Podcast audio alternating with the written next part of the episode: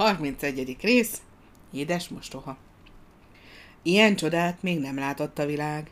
Hargitaiék házanépe pillanatok alatt megtudta, és szájról szájra adta a nagy újságot, hogy az intézetben lévő Mária néni, akinek önfeláldozó jóságáról Frici annyit tudott beszélni, nem más, mint Hargitai Andrásné. A szakácsné majd elájult a meglepetéstől, mikor megértette, hogy az Ibolya kisasszony meséből ismert gonosz mostoha az az új asszony, aki olyan csodaszép, mint a legszebb festmény a Pesti Múzeumban. Erzsike úgy tapadt új anyukájához, hogy le sem lehetett róla fejteni. Az ügyvéd pedig boldogan fogadta a vendégek jó kívánságait, és hálásan nézett feleségére, aki boldogságokért ilyen nagy áldozatot hozott. Az általános öröm közepette Péter jelentette, hogy Ibolya kisasszony, aki kisé letörten érkezett haza, most mihelyt megtudta, hogy a gonosz mostoha nem más, mint a bűbájos tanárnő, lázasan csomagolni kezdett a szobájában. Már meg is kérte a sofőrt, hogy vigyek javasutállomásra.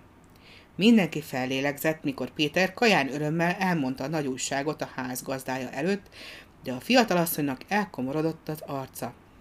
Legyen szíves, és küldje ide Ibolya kisasszonyt, mondta halkan. Néhány perc múlva előtte állt Ibolya. De már nem a régi parancsoló, gőgös vénkisasszony került eléje, hanem egy kisírt szemű, alázatos, szégyenkező, szánalmas teremtés. Mária szeliden nézett rá. Hová akar menni Ibolya? Nem tudom még. Valahol majd csak befogadnak. Tudom, hogy itt nem tűrnének meg, mert nagyon nagyot vétkeztem. Ha vétkezett, már megbűnhödött érte, mondta Mária. Elég büntetés a lelkiismert szava. Meg az a kis reggeli torna, súgta közbe Frici, de Mária úgy tett, mint aki nem is veszi észre a kertész megjegyzését, és folytatta. Különben is, én úgy érzem, hogy talán még köszönettel is tartozom magának, Ibolya, mert ha meséivel nem félemlítette volna meg Erzsikét, nehezebben találtam volna meg az utat a kislányom szívéhez. Ibolya könnyei között felnézett. Tényleg megbocsát, suttogta. Sőt, szívesen meg is tartjuk a régi hatáskörében, csak arra kérem, hogy ezentúl több szeretettel intézze az emberek dolgát. Még Péter is szipákolt a meghatottságtól. A pillanatnyi csendet Frici arra használta fel, hogy előlépjen, és kéréssel forduljon a ház urához.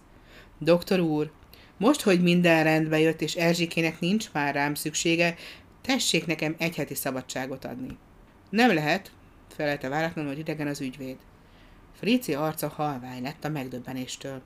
A körülötte állók is meghökkenve figyeltek fel.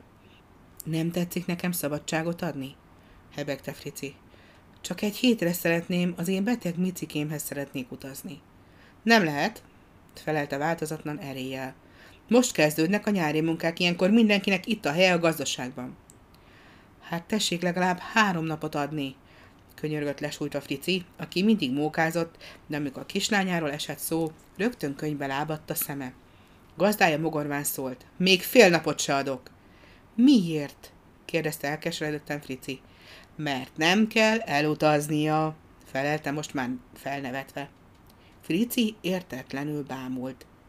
Miért nem? kérdezte. Mert Micike itt van a szomszéd szobában.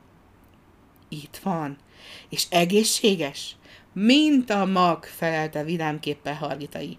Amíg vigyázott az én kislányomra, én is vigyáztam a magáéra. Az orvosok meggyógyították, és most olyan eleven, mint egy kis csikó. Azzal összeütötte a tenyerét. A tapsra megjelent a tejüveges ajtóban egy kis tündér. Legalábbis azok, akik nem ismerték, azt hihették, hogy a mesék országából röppent ide mert arancsillagoktól szikrázó rózsaszínű trikó feszült karcsó testén, és csigákba göndörülő fekete haján ragyogó korona pompázott. Frici sírásba, nevetésbe csukló hangon kiáltotta, Micikém! A kis tündér most meglibbent, az apja felé futott, aztán futás közben három cigánykereket vetett, és Frici karjaiba repült. Apukám! sikoltotta, és össze-vissza csókolta réglátott édesapja barázdás arcát. Frici meghatottságtól szólni sem tudott. Letérdett kislány elé gyöngéten végig simította karját és a lábait. Egyszerűen nem akarta elhinni, hogy a cirkusz tetejéről lezuhant és összeroncsolt kislány ismét épp egészségesen ott áll előtte. Remegő hangon kérdezte. Meggyógyultál. Meggyógyultam. Olyan egészséges vagyok, hogy akár holnap fel is léphetnénk. Hát ebből bizony nem lesz semmi, vágott közbe Hargitai komoly hangja. Nem engedem, hogy Micike még egyszer kockára tegye az életét. Elég tágas a kertészház két embernek is. Nagyon, nagyon köszönöm, mondta meghatottan Frici. Igazán, nem is tudom, mivel érdemeltem meg ezt az izé, olyan, hogy is mondjam, ugyan, papa, szólt köze Mici csengő hangon. Inkább majd azzal háláljuk meg a bácsi jóságát, hogy továbbra is mulattatjuk Erzsikét. Jó lesz? Erzsike örömében összecsapta két tenyerét, hogy csak úgy csattant. Mindenki nevetett, és mindenki boldog volt. A vendégségek búcsúzkodni kezdett, és lassan szétoszlott a társaság. A kertészházba vígan vonult be Frici, Mici és Pici. Talán még sosem sütött ilyen fényesen a nap Hargita jégvillájára. Talán még soha nem ragyogott felette ilyen gondtalan, egészséges kékséggel a felhőtlen ég.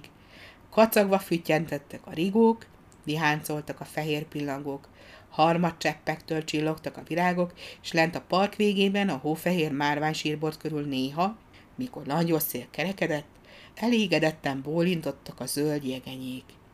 A hatalmas kertben önfeledten sétált Mária és Erzsike. Elérkeztek a lugashoz, ahol Erzsike annyiszor volt együtt az édesanyjával. Megállt, és nagy szemeit rámeresztette Máriára. Ez volt anyukám kedvenc helye, mondta csendesen. Itt szeretett mindig üldögélni. Mária szelíden megfogta a kislány kezét, és megindult vele a lugas felé. Hát akkor gyere be, és gondoljunk mind a ketten a te édes anyukádra. Leültek a kispadra.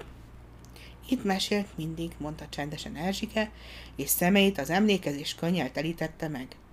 És szép meséket mondott? kérdezte Mária. Gyönyörűeket. Volt egy meséje Jégországról. Ó, hogy szeretném még egyszer hallani?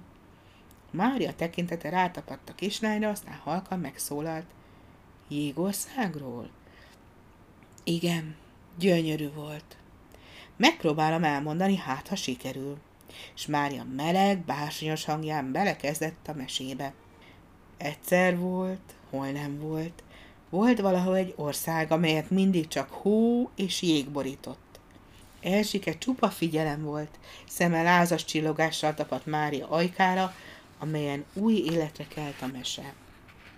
Mesélt Jégországról, hogy akarták megolvasztani a jeget és a havat, aztán elérkezett a mese befejezéséhez, mikor az idegen lány csodát művelt, és Zúzmara király őfessége bámulva fordult feléje. Ki vagy te, aki elolvasztottad a jéggúnyát egész országomról? Az idegen lány csendesen és mosolyogva válaszolt. Én felséges uram, a szeretet vagyok. A mese itt véget ért. Erzsike csillogó szemmel tapadt Máriára, és szavaiban szeretet zengett. Milyen szép volt, és milyen régen hallottam. Köszönöm, köszönöm, drága anyukám. Mária magához ölelte és összecsókolta a kislányt. Édes, édes mostoha, suttogta Erzsike. A lugas mögött most megjelent Halgitai András, aki éppen abban a pillanatban, amikor Mária és Erzsike boldogan csókolták meg egymást. A szeme elhomályosult, de az arca igazi boldogságtól ragyogott. Vége.